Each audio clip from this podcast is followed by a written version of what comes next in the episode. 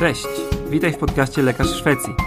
Ja nazywam się Mateusz Szywicki i jestem lekarzem medycyny rodzinnej w Kerskronie. Na łamach tego podcastu oraz na mojej facebookowej grupie przybliżam Ci realia pracy i życia lekarza po drugiej stronie Bałtyku oraz pomagam Ci w emigracji. Witajcie serdecznie w kolejnym odcinku podcastu. Dzisiaj Cześć. goszczę Cześć. Olę Dudzińską i Łukasza Śliwkę. Tak jest. I porozmawiamy sobie trochę o rzeczywistości świeżych estelekare y, na y, specjalizacji z psychiatrii w Szwecji. Y, To przedstawcie się Ola i Łukasz i powiedzcie nam trochę słowem wstępu, jak w ogóle się tutaj znaleźliście w Szwecji, jak ta historia przebiega. E, To jeszcze raz cześć, nazywam się Ola Dudzińska, mam 28, o skończę 28 lat w grudniu i od roku mieszkam e, z Łukaszem, moim mężem w Szwecji. Łukasz, Twoja kolej. Moja kolej, cześć. Yy, Nazywam się Łukasz Śliwka, mam 29 lat. I yy, tak jak Ola powiedziała, od nieco ponad roku mieszkamy w Szwecji i, i od tak prawie pół roku już niedługo robimy tutaj specjalizację z yy, psychiatrii dorosłych konkretnie. No i tak.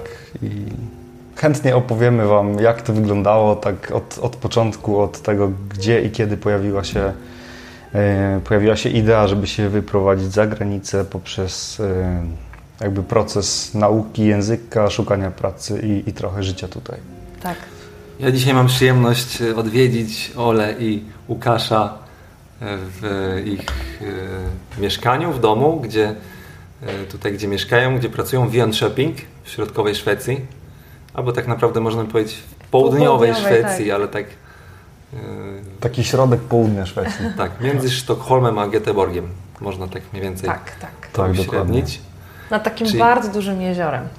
Dokładnie. Niektórzy mówią, że to jest serce Szwecji. Dzisiaj rozmawiałem też z tym e, Maxem, który tam e, pracuje w szpitalu Mhm. i mówił, że on to nazywa sercem Szwecji, Jönköping. To tego nie słyszałam. Ale za to słyszeliśmy takie określenie, że to jest e, mała Jerozolima i że jest jak na Szwecji, która jest ogólnie takim raczej mało wierzącym krajem, to że tutaj jest bardzo duże zagęszczenie e, wyznawców e, No, ogólnie różnych protestantyzmu, religii. ogólnie różnych religii, no ale szczególnie tych takich chrześcijańskich.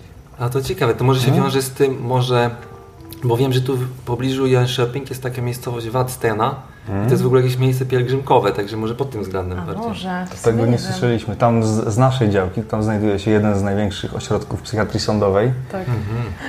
E, taki właśnie zamknięty dla naprawdę chorych e, ludzi, którzy popełniają przestępstwa i no i jak już ktoś trafia do wad sceny, no to znaczy, że, że już jest naprawdę z nim Było grubo. rokowania są niepomyślne. Pod tym względem. Okej, no dobra, to zostawiamy y, pielgrzymki i y, ciężkie tutaj przypadki psychiatryczne za sobą i przechodzimy do Waszej historii. Powiedzcie, jak tutaj się znaleźliście, skąd w ogóle Wam się wziął pomysł na tą Szwecję i jak tutaj do tego doszło, że jesteście w tym punkcie, w którym aktualnie jesteście. E, To może ja zacznę. E, Ogólnie tak w dużym skrócie to ja tak od połowy studiów na wakacje wyjeżdżałem do pracy do Norwegii, żeby tam trochę sobie dorobić. Mm, I, I w tej Norwegii mocno mi się spodobało w Skandynawii. Na tyle mocno, że wracałem tam przez e, wszystkie, wszystkie lata od trzeciego roku studiów wzwyż i nawet trochę dłużej. Ale to pracowałeś jakoś fizycznie, tak? Coś takiego? Tak, tak. To były takie prace właśnie takie typowo wakacyjne, e, typu jakiś camping, czy na farmie, czy, czy taka trochę złota rączka. E, I ogólnie to były takie bardzo przyjemne prace w porównaniu do tego, co się robiło przez resztę roku, kiedy człowiek nadużywał wręcz swojego mózgu, no to tam można było mu dać odpocząć, odłożyć go na półkę i, i popracować trochę rękami. No i w każdym razie w tej, w tej Skandynawii bardzo mi się wtedy spodobało, że jest jakaś taka fajna natura, fajny klimat, ludzie jacyś tacy wyluzowani. E, I, I to w połączeniu z tym, że, że w Polsce sytuacja w służbie zdrowia, czy tam w ochronie zdrowia zawsze była taka, jaka była, czyli strajki, napięcia i, i, i- ogólnie proszę czekać, to, to kiełkowało to w mojej głowie, żeby wyjechać za granicę. No i wiadomo, wszyscy polscy lekarze, czy tam większość e, spogląda w kierunku Niemiec. Mi się Niemcy nie do końca podobały z różnych względów, więc postanowiłem, że może będzie to Skandynawia. No i teraz oddaję głos swojej żonie do Tak. kontynuacji. To ja może tylko dodam, że ja też dołączyłam do Łukasza i w pewnym momencie też y, tam byłam z nim parę razy w tej pracy w Norwegii i, i bardzo podzieliłam jego zachwyt e, całą taką mentalnością ludzi, ogólnie podejściem do życia i e, samym takim, takim życiem blisko natury. E, My byliśmy tacy, e, można powiedzieć, e, no, niezdecydowani, bo jeszcze dawaliśmy szansę zostania, do tego, żeby zostać w Polsce i robiliśmy staż w niedużym mieście e, i tak myśleliśmy, że może tam jakoś się zahaczymy i zostaniemy, ale to był właśnie ten czas, kiedy sobie uświadomiliśmy, że nie, kurczę, wyjeżdżamy dalej.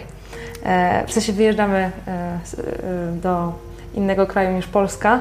Trochę poznaliśmy też takich lekarzy, którzy jak widzieli nas, młodą parę, która jest taka pełna, no nie wiem, życia, pomysłów e, i że zastanawiałam się nad wyjazdem, to no nierzadko, nierzad- nierzadko się zdarzyła taka sytuacja, że ktoś właśnie powiedział, że nie, kurde, jedźcie. Kiedy jak nie teraz? Dokładnie. I Nie macie dzieci, kredytu, będziecie żałować, to bo nie my były się spalamy. jakby pojedyncze sytuacje, tylko W sensie, że w Polsce wam tak W Polsce, w doradza. tak. Polsce w trakcie no. stażu. Właśnie często się powtarzało, jak spotykaliśmy takich ludzi w wieku e, około 40, takich młodych specjalistów, no to zazwyczaj zagadywali, co chcecie robić. My mówiliśmy, a tak nie wiemy, może za granicą, Może może specjalizacja, emigracja. Coś. Tak, dokładnie. To oni zawsze y, mówili, nie, to jak macie takie myśli i możliwości i żadnych kotwic większych tutaj jakichś, no to, to należy próbować. Więc to tak powoli rosło, rosło, rosło i, i, i w końcu wyrosło któregoś dnia. E, Już byliśmy tacy na maksa sfrustrowani tym e, stażem w Polsce. Jeszcze byliśmy na jakichś rozmowach o pracy tam w okolicy, które były bardzo niepomyślne. E, W sensie jak najbardziej posady były ale, do zaoferowania nam, ale warunki i, i te wszystkie jakieś takie około wolontariatowe, Tematy, prawie że Podejście e, prezesa. pracy, tak, były takie, że stwierdziliśmy, nie, no, no musimy coś zrobić po prostu, musimy coś zrobić. I wtedy podjęliśmy decyzję, że jedziemy po raz ostatni do Norwegii.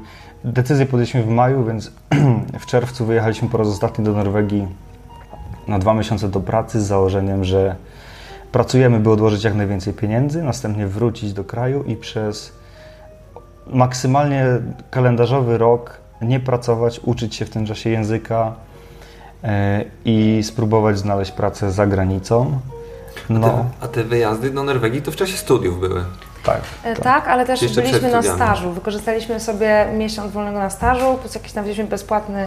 E, Trochę kreatywnej Trochę księgowości. kreatywnej stażowej. księgowości i jeszcze na stażu byliśmy ostatni raz i tam zarobiliśmy te pieniądze, dzięki któremu mogliśmy sobie powiedzmy żyć budżetowo, ale jednak daliśmy radę nie pracować, to jest ważne, i uczyć się języka. Aha. A teraz jeszcze nawiążę do aktualnego tematu.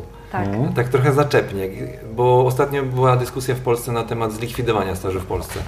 Gdybyście mieli drugi raz taką szansę, że jesteście powiedzmy gdzieś pod koniec studiów w Polsce i by wam zlikwidowali staż, to byście byli bardzo pogniewani, czy byście stwierdzili, że jakoś jest ok? Mi ciężko powiedzieć i tak i nie, bo z jednej strony e, myślę, że można było ten czas lepiej zorganizować i lepiej go można było wykorzystać. Znaczy inaczej, ja wykorzystałam wydaje mi się tak jak mogłam najlepiej, ale nie miałam super możliwości kształcenia, ale no trochę jednak obycia dostałam. Nauczyłam się Mm. pewnych rzeczy, obejścia, no Ja się zgadzam. Ogólnie uważam, że staż jest potrzebny e, jako taki pomost pomiędzy studiami, które są dość odklejone od rzeczywistości, a praktyką, która bywa dość wymagająca, zwłaszcza na początku. E, Aczkolwiek teraz, jak widzę, tak z perspektywy na przykład, jak wygląda staż w Szwecji i na jakim poziomie e, takiego ogarnięcia medycznego poruszają się ci stażyści tutaj, a co reprezentuje sobą przeciętny stażysta w Polsce, no to tak uważam, że jest duże pole do poprawy w polskim stażu, jakby co tam można zmienić i, i że należałoby dużo rzeczy zmienić. ale No na właśnie. pewno nie, nie mówimy tak zdecydowanie bez sensu zlikwidować. Nie, ja uważam, że staż powinien to- zostać, ale powinni go na nowo usiąść i, i, i słuchajcie, bo to trzeba zrobić tak i go rozrysować na nowo. No tak mi chodzi w takim stanie, jakim on jest teraz aktualnie, bo poprawy No. wiadomo zawsze można A zrobić, to ale... i tak uważam, że powinien zostać. Ja Uważasz też tak. Aha. No ja mam takie mieszane uczucia, bo akurat ja tam na stażu się aż za dużo nie nauczyłem, Mhm. ale faktycznie no, są różne opinie z tego, co obserwuję, no ale okej. E, To opowiedzcie teraz dalej, kolejny krok. Jak już ten pomysł Wam wpadł do głowy, że Wam się ta Skandynawia tak podoba, w którym momencie zaczęliście się uczyć języka i jak, jaki mieliście na to przepis, jak, Mhm. jak do tego podeszliście?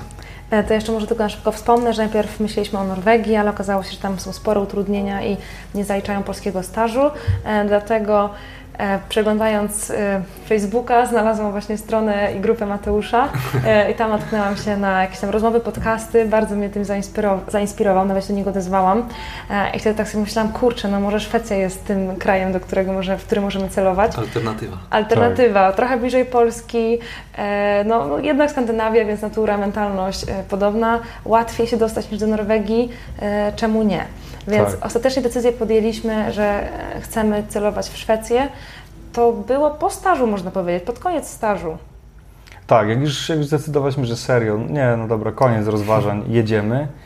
To jeszcze tu wtrącę, że, że właśnie Ola kontaktowała się wcześniej z Mateuszem z takim bardzo zachowawczym pytaniem, a słuchaj, bo wiesz, bo może coś byś doradził, bo my byśmy tak poszukali pracy w Szwecji, ale tak, tak byśmy popytali najpierw, czy oni ewentualnie nie chcieliby nas przyjąć.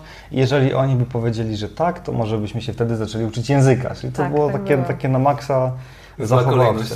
Dokładnie, zła kolejność. A Mateusz odpisał coś takiego wtedy wydawało mi się przewrotnego, ale uważam, że bardzo e, na miejscu, mianowicie od, odpowiedział, odpowiedział, że żeby zmienić myślenie, że, że należy zmienić myślenie na takie, żeby po prostu ja się chcę wyprowadzić do tego kraju, tam zamieszkać i tam żyć i z takim nastawieniem szukać tam pracy, a nie takim może ewentualnie gdybyśmy to byśmy, nie? Tak, tak, tak. I, I, faktycznie po tym takim zimnym prysznicu z, z, tej strony stwierdziliśmy w sumie, kurde, no he's got the point. Jakby jest tam hmm. od paru lat, pracuje, ma się dobrze i, i, i, to nagrywa w swoich podcastach, więc jakby spróbujmy.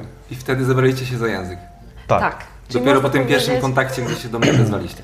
Tak. Raczej tak. Więc zaczęliśmy się uczyć no, języka, było, można powiedzieć, no. w październiku, no nie? W październiku to było dokładnie 7 październik 2019 tak roku. Pamiętam tą datę. No. Okej, okay. i jak do tego podeszliście? Zaczęliście się sami uczyć? Czy mieliście, zapisaliście się na jakiś kurs, do jakiejś szkoły językowej?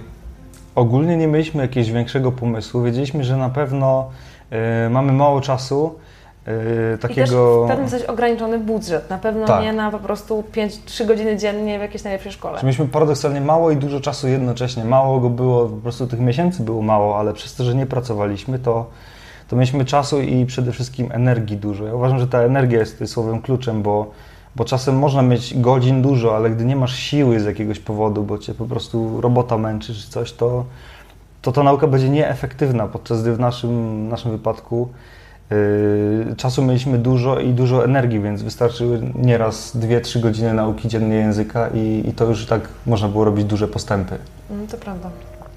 No a nauczyciela znaleźliśmy tak, mieliśmy założenie takie, że musimy to zrobić w jakiś nieszablonowy sposób, bo, yy, bo podług tego, co, jakby, co człowiek wynosi ze szkoły, to uczy się angielskiego przez nie wiem, 8 lat i kończy z poziomem B2, jak się postara. My wiedzieliśmy, że musimy się w niecały rok nauczyć do poziomu przynajmniej B2. Ale czyli to było w sumie dobre, że byliście tak ograniczeni czasowo, bo wiedzieliście, że, się, że musieliście się spiąć jakby, tak? I to jest chyba najbardziej efektywne, no bo takie uczenie się, tak, tak jak mówisz, po trochu, nie, niezbyt intensywnie, to można latami stać w tym samym miejscu, tak. na tym samym poziomie. A tutaj rok to jest według takich moich obserwacji też taki w sumie najbardziej wymierny okres, w którym to jest do zrobienia i to nie jest ani za długo, ani za krótko. To jest taka, taki tak. Ja myślę też, czas. że to właśnie paradoksalnie był plus naszej sytuacji, bo podeszliśmy do sprawy tak naprawdę bardzo zadaniowo. Mhm. To nie było takie, a dobra, pouczę się, bo może kiedyś wyjadę, tylko no nie, uczę się, bo chcę wyjechać. Tylko jeszcze wspomnę, bo może potem zapomnimy, że w sumie od początku naszej nauki do takiej pierwszej rozmowy kwalifikacyjnej już po szwedzku, no co prawda o, jakby nie była to może jeszcze najlepszy język świata, no ale dało się e, komunikować. No to ile minęło, Łukasz? 8 miesięcy? 8 miesięcy tak. mniej więcej. I już wtedy mogliśmy no, rozumieć ten szwedzki i odpowiadaliśmy po szwedzku. Tak. E... Więc ogólnie znaleźliśmy nauczyciela praktycznie przypadkiem, który jakby bardzo miał takie, przyciągnął mnie tym, że miał e, wręcz szamańskie podejście, tak na pierwszy rzut oka, ale ja stwierdziłem, no jedyny, który się wyróżnia w jakiś sposób, nie mam nic do stracenia, bo bo do, do studentki filologii jeszcze zdążymy się zapisać i przerabiać po prostu podręczniki, a on faktycznie oferował coś, co mogło się wydawać takie, uf, no nie wiem, czy ci zaufam, ale, ale zaufaliśmy mu i, i okazało się, że metodyka była jak najbardziej trafna. Uczyliśmy się sami w domu. Mieliśmy raz w tygodniu godzinę korepetycji jako para, czyli wychodziło po pół godziny mniej więcej na osobę. To było przez Skype'a, no? I to było przez Skype'a, więc y, tak zwana, no, większość, w zasadzie lwia część pracy była zrobiona samodzielnie ze wsparciem e, tego, że nauczyciela, który był takim architektem nauki, dostarczył metodykę e, i, i trochę materiałów. Mm, I jeszcze tutaj warto dodać, że w marcu 2020 roku pojechaliśmy na, na miesiąc do Szwecji na taki workaway, e, czyli taką, taką wymianę trochę na zasadzie e, znajdujemy rodzinę, do której jedziemy, my im malujemy dom, Zrywamy zamian- tapety. zrywamy tapety, czy coś tam, jakaś taka pomoc remontowo jakaś tam w zamian za wikt i opierunek i możliwość bytowania w języku. Tak. Dokładnie. Więc to na pewno trochę nam dało, ale to też nie był jakiś aż taki krok milowy. Nie powiedziałabym, że to zmieniło wszystko, a na pewno pomogło. No ale to już w marcu 2020 zaczęliście się uczyć pierwszy kontakt z językiem w, W październiku, październiku, tak, tak, także tak. to jest Więc 6 miesięcy, tak, nauki jakby wtedy jadąc, to uważam, że byliśmy na takim poziomie B1. Mhm. No, No to taka- no, może. Taka niezastygnięta galareta B1, że to jeszcze się tak trochę chwiało, ale już, już dało się naprawdę sensownie i pogadać i zrozumieć i coś z tego wyciągnąć z wyjazdu. No i myślę, że tu warto teraz powiedzieć, że jak wróciliśmy, e, to był jakiś początek kwietnia właśnie z tej Szwecji, z tego miesiąca, to to był sam początek pandemii, wielki stres. No E, właśnie. Wróciliśmy do Polski, wtedy mieliśmy obowiązkową dwutygodniową kwarantannę. No i chcieliśmy tą kwarantannę przekuć jakkolwiek, powiedzmy, w sukces, więc sobie postanowiliśmy, że dobra, od teraz zaczynamy wysyłać maile e, do, do, no, do szwedzkich pracodawców, w których opiszemy naszą sytuację i to, że szukamy zatrudnienia. I pamiętam ten czas, że właśnie e, zrobiliśmy sobie taką listę, bo gdzieś tam dostałam informację od kogoś, że to jest dobry pomysł, żeby najpierw się odzywać do regionów. No region to można tak na, przetłumaczyć takie województwo powiedzmy. Mhm. E, Czy e, coś w stylu www, dolnośląskie, małpa, coś tam. Tak. Taki po prostu bardzo zbiorczy folder mail. rekrutacja Tak. e, i tam utworzyliśmy sobie jakieś takie całkiem fajne CV, e, list motywacyjny, e, w którym opisaliśmy no, to coś w stylu, Mhm. Hej, jesteśmy, jestem Ola szukamy?" i Łukasz, jakieś No. ładne zdjęcie, że chcemy się przeprowadzić do Szwecji, że jeszcze nie mamy co prawda szwedzkich legitymacji, ale jakby szybko się uczymy, jesteśmy kreatywni, bla bla I bla. to już napisaliście po szwedzku. To już Po napisaliśmy. Bardzo po dobrze, bo po szwedzku. angielsku to zazwyczaj te CV, listy Mhm. motywacyjne, e-maile to w ogóle nie są czytane. Tak. Także tutaj bardzo dobre podejście. I ile takiego czegoś wysłaliście? Znaczy, e, my zaczęliśmy w ogóle od takiej, e, takiego założenia, że zaczynamy od południa Szwecji do powiedzmy poziomu Sztokholmu. E, więc ja nie wiem, ile to regionów wyjdzie. Na kil- kilkanaście, dobrze mówię? No, coś, nie, do 10? poziomu Oslo. Wzięliśmy Oslo, który leży w Norwegii A może. i kreska w prawo i wszystko, co leży w dół od tego. Czyli takie powiedzmy 6 godzin jazdy samochodem od południa Szwecji do górnej granicy, bo, bo nie chcieliśmy startować na samą północ. Aha. I po prostu wysyłaliśmy maile. Tak. No i najpierw y, jednak każdy jeden y, region, czyli województwo odpowiedziało, że o super, ale wspaniale, że chcecie u nas pracować. No niestety szukamy osób z legitymacją. Odezwijcie się, jak będziecie mieli legitymację. Więc to był taki pierwszy moment, że mieliśmy aha, okej, czy nasz plan nie wypali. Tak. E, I to też jeszcze było tak, że nie wiem, tam y, ro- rodzice czy tam znajomi wiedzieli, że szukamy i ja tak miałam, aha, Podpytywanie e, czyli ja tak opowiadałam, że nie, w Szwecji tak przyjmują, w ogóle myślę, że tam e, Tak, tak, już masz tak. pracę, a to no nie, no na razie nas nie chcą. Nie, nie był To naj, najprzyjemniejszy okres, bo siedzieliśmy w domu na kwarantannie, wtedy był początek kwietnia, czy tam połowa kwietnia. Tak. Pogoda była niesamowicie wręcz ładna. My siedzieliśmy Tak. w tym domu i, i nie mogliśmy z niego wyjść. Wysyłaliśmy te maile, gdzie cały czas były porcje jakby złych informacji do nas dochodziły, więc I każda wibracja e, w telefonie, że wiadomość jest na Gmailu, takie było szybsze bicie serca, a nie, nie chcą nas. I jeszcze, i jeszcze byliście też troszeczkę mm, ograniczeni tym, że w zeszłym roku od lipca mieli wprowadzić BT, prawda? A, Więc to- chcieliście zdążyć Oj, o tym tak. z zapomnieliśmy. rozpoczęciem specjalizacji przed tym punktem i to było Tak. też chyba taki To w ogóle był osobny temat. No. Jak się dowiedzieliśmy o tym, że wprowadza, chcą wprowadzić BT, to dla nas to była tak frustrująca informacja. Stwierdziliśmy, że trzeba pójść z myślą, pomyśl o tym jutro i tak codziennie, Tak. bo być może coś się zmieni, być może się do nas szczęście uśmiechnie i po prostu kontynuowaliśmy nasz plan, nie myśląc o tym. No i Dokładnie. dobrze wyszło, bo przez COVID przesunęli to o rok. Dokładnie. Więc e, jakby COVID, Pomógł. o, Ale pamiętam sytuacja, ale nam pomogło. Gdy byliśmy już tak trochę zaawansowani w tej nauce języka, bo powiedzmy grudzień i się dowiedzieliśmy, grudzień 2019, dowiedzieliśmy się, że BT wprowadzają w lipcu 2020 i to już było tak trochę za późno, żeby się rekrutować na jakąś specjalizację w Polsce i odpuścić temat, więc jakby się uczyliśmy, ale, ale ten, to, to widmo tego BT cały czas tam wisiało, plus stopniujący budżet. E, ale na szczęście przełożyli to BT o rok do przodu właśnie w związku z COVID-em i z dezorganizacją, więc... Ale może to też zadziałało dla Was motywująco, no bo mieliście myślę, takie ramy tak. Czasowe, chcieliście intensywnie, szybko się tego języka nauczyć, żeby zdążyć przed tym BT tą pierwotną datą, a później zrobili Wam tak naprawdę tylko taki prezent, tak? To Że prawda. Zdecydowanie tak było. No ale Więc- w końcu jakby ktoś odpisał, nie? Tak, tylko jeszcze Ci powiem, czy powiem, powiem Wam, że stwierdziliśmy, dobra, trzeba rozszerzać, e, no, Horyzonty. horyzonty e, i po prostu poszukaliśmy przeróżnych maili do różnych szpitali, tam gdzie jest psychiatria, e, tam gdzie jest jakiekolwiek słowo rekrutacja Tak, i tam tak. słaliśmy te maile na potęgę, naprawdę, no kilkaset na pewno. No, trochę tych maili poszło.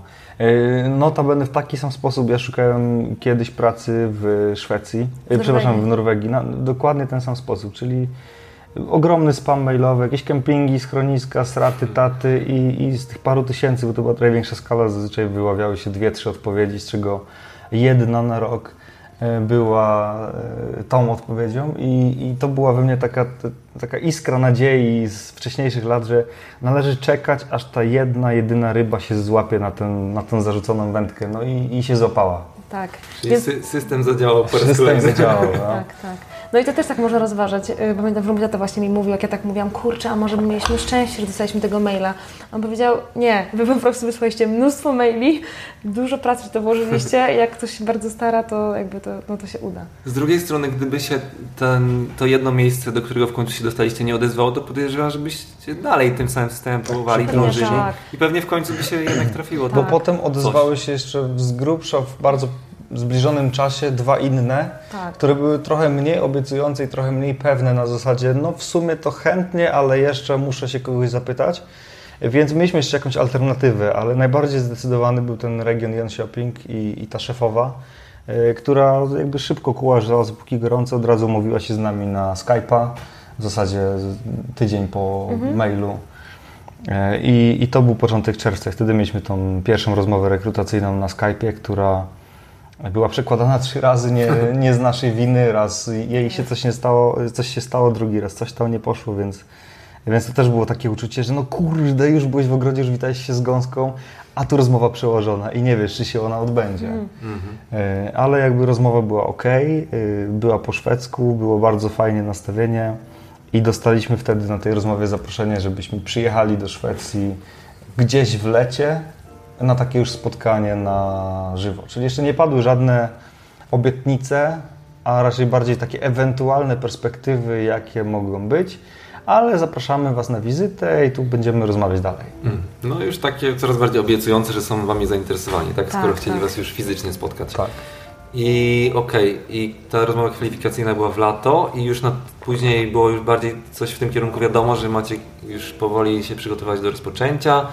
Jak oni to widzieli, jak Was wdrożyć na początku, pod jakim szyldem, nie wiem, czy od razu jako ST na tą rezydenturę, czy jakiś, jakiś przejściowy okres, czy już mieliście wtedy tą legitymację, jak to po kolei wszystko przebiegało?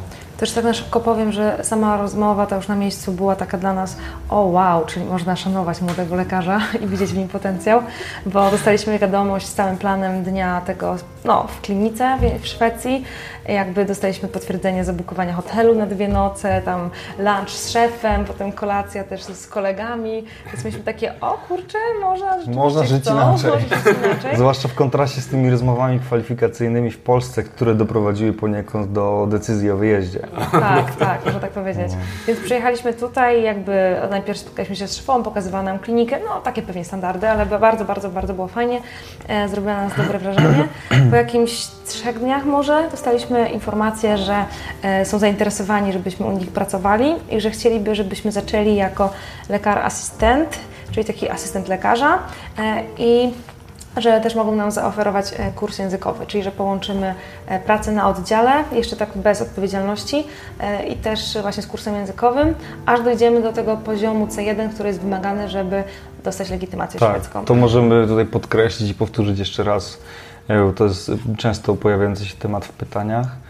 Żeby móc rozpocząć pracę jako rezydent w Szwecji, potrzebna jest legitymacja, czyli takie PWZ szwedzkie. Żeby je uzyskać, potrzebny jest poziom języka C1, potwierdzony w jakiś sposób.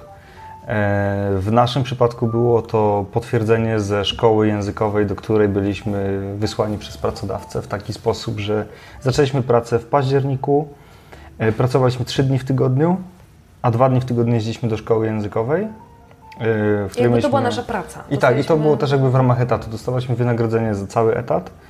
E, I, I do tej szkoły jeździ- jeździliśmy od listopada do chyba końca lutego albo No, połowy lutego, tak. coś w tym stylu.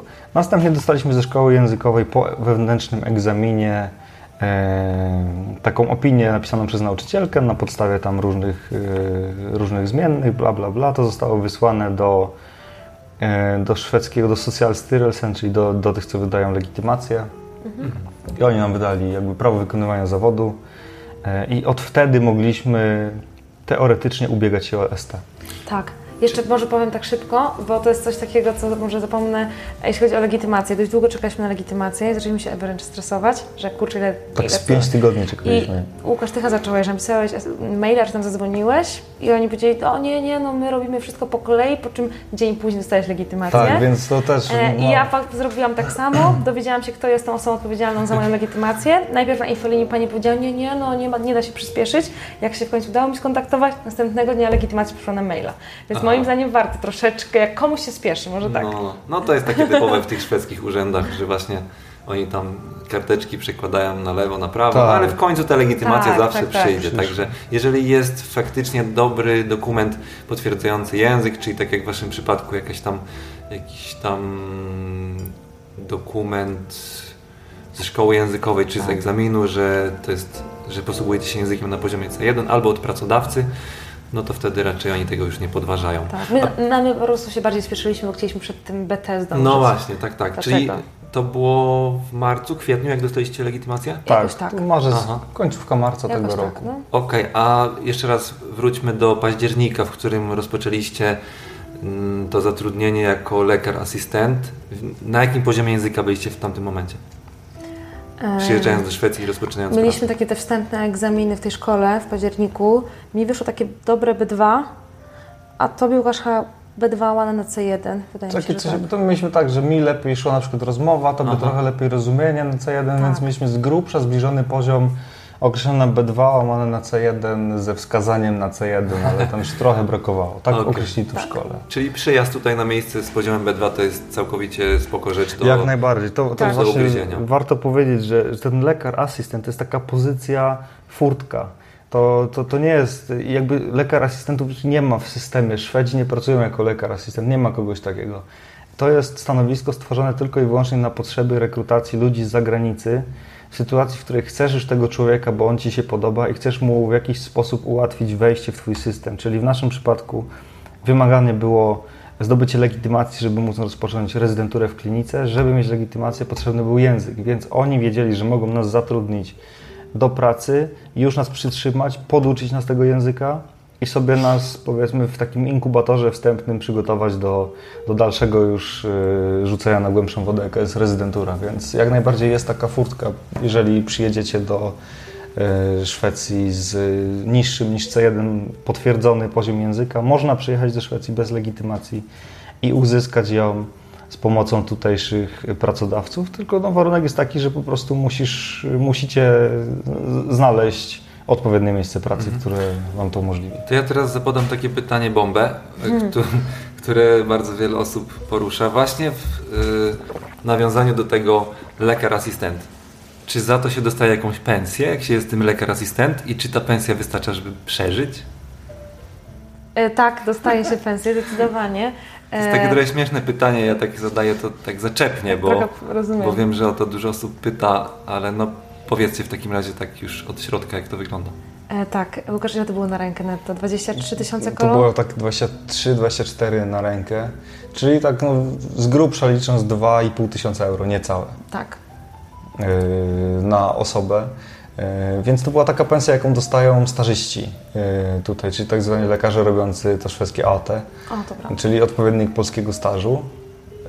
I to uchodzi za, może powiem tak, 24 na rękę to jest 33 brutto, podczas gdy 35 brutto to jest szwedzka średnia krajowa. Mm, o, dobra. Nie? I to myślę, że tak dobre, dobre porównanie oddaje. Czyli E, jakoś głodem nie trzeba przymierać. Absolutnie nie. absolutnie nie. My, my za mieszkanie powiedzmy, my płaciliśmy mało, bo mieliśmy je od szpitala, ale gdyby chcieć wynająć standardowe mieszkanie w naszym mieście, które jest na liście 10 największych w Szwecji, e, gdyby chcieć wynająć standardowe 60-metrowe mieszkanie w miarę w centrum, to liczmy powiedzmy 10 tysięcy koron miesięcznie. No myślę, że no, tak, 8 to już by się E, Za takie już naprawdę fajne mieszkanie na dobrym standardzie, dobrze wyposażone. E, Jedzenie jest około dwa razy droższe niż w Polsce, tak bardzo z grubsza licząc. Tak, myślę, że naprawdę tym się nie, nie, nie, nie trzeba przejmować. Wiem, że my byliśmy we dwójkę, więc zawsze trochę jest wtedy łatwiej y, kontrolować budżet i tak dalej, no ale my od samego początku tak naprawdę no, udaje nam się jedną pensję zostawić. Zdecydowanie. Od tego poziomu lekara asystent. Więc... Czyli nawet przyjeżdżając i pracując jako asystent lekarza w Tak. oczekiwaniu na tą legitymację, czyli prawo wykonywania zawodu, już można normalnie jakby wdrażać się w system, polepszać swoje umiejętności językowe, uczyć się powoli kliniki i jeszcze na dodatek całkiem Tak. spoko zarobić Tak. i Tak, rozpoczynać już normalnie fajnie można, życie. Można, w no w tym naszym kraju. przypadku to było stanięcie na nogi po życiu takim Zdecydowanie. budżecie bez stałego dochodu. E, A tutaj nagle pojawiły się regularne, całkiem, wyso- no całkiem no, no wysokie dochody w porównaniu do tego, co było na stażu czy wcześniej na studiach. E, No to, to no, naprawdę polecam, bardzo przyjemne uczucie. No właśnie, bo jakby odnosząc to do tego, że tak naprawdę to lekarz asystent to jest taka pozycja jeszcze długo, długo przed stażystą, tak? Można Tak, tak, powiedzieć. absolutnie. Można tak powiedzieć, no. Absolutnie. Bo przynajmniej tutaj jakby w tym systemie, no u Was akurat było tak, że Wyście oczekiwali na legitymację, a legitymacja dawała Wam automatycznie bilet do wystartowania ST, czyli bezpośrednio Mhm. na rezydenturę, tak? Mm. Ale normalnie w tym systemie szwedzkim, no to jakby y, Szwedzi mogą pracować jako lekar asystent albo underlekare. Jako underleker, jako lekar asystent nie ma takiej, takiego stanowiska. A studenci de jak pracują Też jako wakacjach? lekar asystent. Student po ukończeniu piątego roku studiów może się ubiegać na wakacje o underlekarę E, i to jest taka pozycja, ja to powiem jak to wygląda z perspektywy psychiatrii, bo my pracowaliśmy jako taki underlekarze przez parę miesięcy e, i, i te końcowe miesiące pracy jako lekar asystent to były w sumie tożsame z pracą jako underlekarze. E, Po prostu pełnisz standardowe takie obowiązki lekarskie na oddziale, czyli jakaś administracja, badanie pacjentów, uczestniczenie w normalnej pracy oddziału. Mm. Przy czym bez, e, jakby nikt od Ciebie zbyt wiele nie wymaga. Tak, E, nie mo- podejmujesz decyzji Nie, tak nie podejmujesz decyzji, nie możesz samodzielnie dyżurować. To omawiasz teraz Under- lekar asystent. underlekarę. Underlekarę. Ja mam wrażenie, że to obojętnie jak to zwał, tak, tak, zwał, płynnie tak naprawdę to jest to samo, tak? Lekar, tak, lekar asystent to jest to taka pozycja dla przyjeżdżających, a underlekar to jest normalnie figurująca w systemie pozycja, na którą mogą i Szwedzi. Y, Po prostu, żeby pracować jako underlekarę, potrzebujesz być albo szwedzkim studentem w trakcie y, lub po studiach, albo że jeżeli chcesz być z zagranicy, musisz mieć na underlekarę legitymację. Legitymację. Jakby i, i, I to jest, y, przy- przynajmniej w naszym regionie. To znaczy mi się wydaje, że Underlecker to jest taki bardzo pojemny em, Worek. na, Worek. worek Mhm. tak? Nawet się spotkałem z tym, że ST lekare, czyli rezydenci są nazywani Underleckere No to to prawda, prawda. do tak momentu, którym się nie staną specjalistami. To Czyli prawda. tutaj trochę ciężko spekulować No na temat tego, co ma prawda. się na myśli, No u nas na ale... przykład był taki rozdział, że lekar asystent nie miał e, dostępu do pewnych funkcji w tym naszym systemie komputerowym. Na przykład nie mógłby zmienić leków albo, no nie wiem, przyjąć pacjenta na oddział. A teoretycznie przykład. mógłby z nim porozmawiać i opisać tą rozmowę, Na przykład. e, ale jakby nie mógłby tego poklikać w komputerze. Tak. To Ale to jest tak lekara. właśnie jak Mateusz mówi, że, że niektórzy starsi specjaliści nazywają wszystkich nie będących specjalistami underlekarę.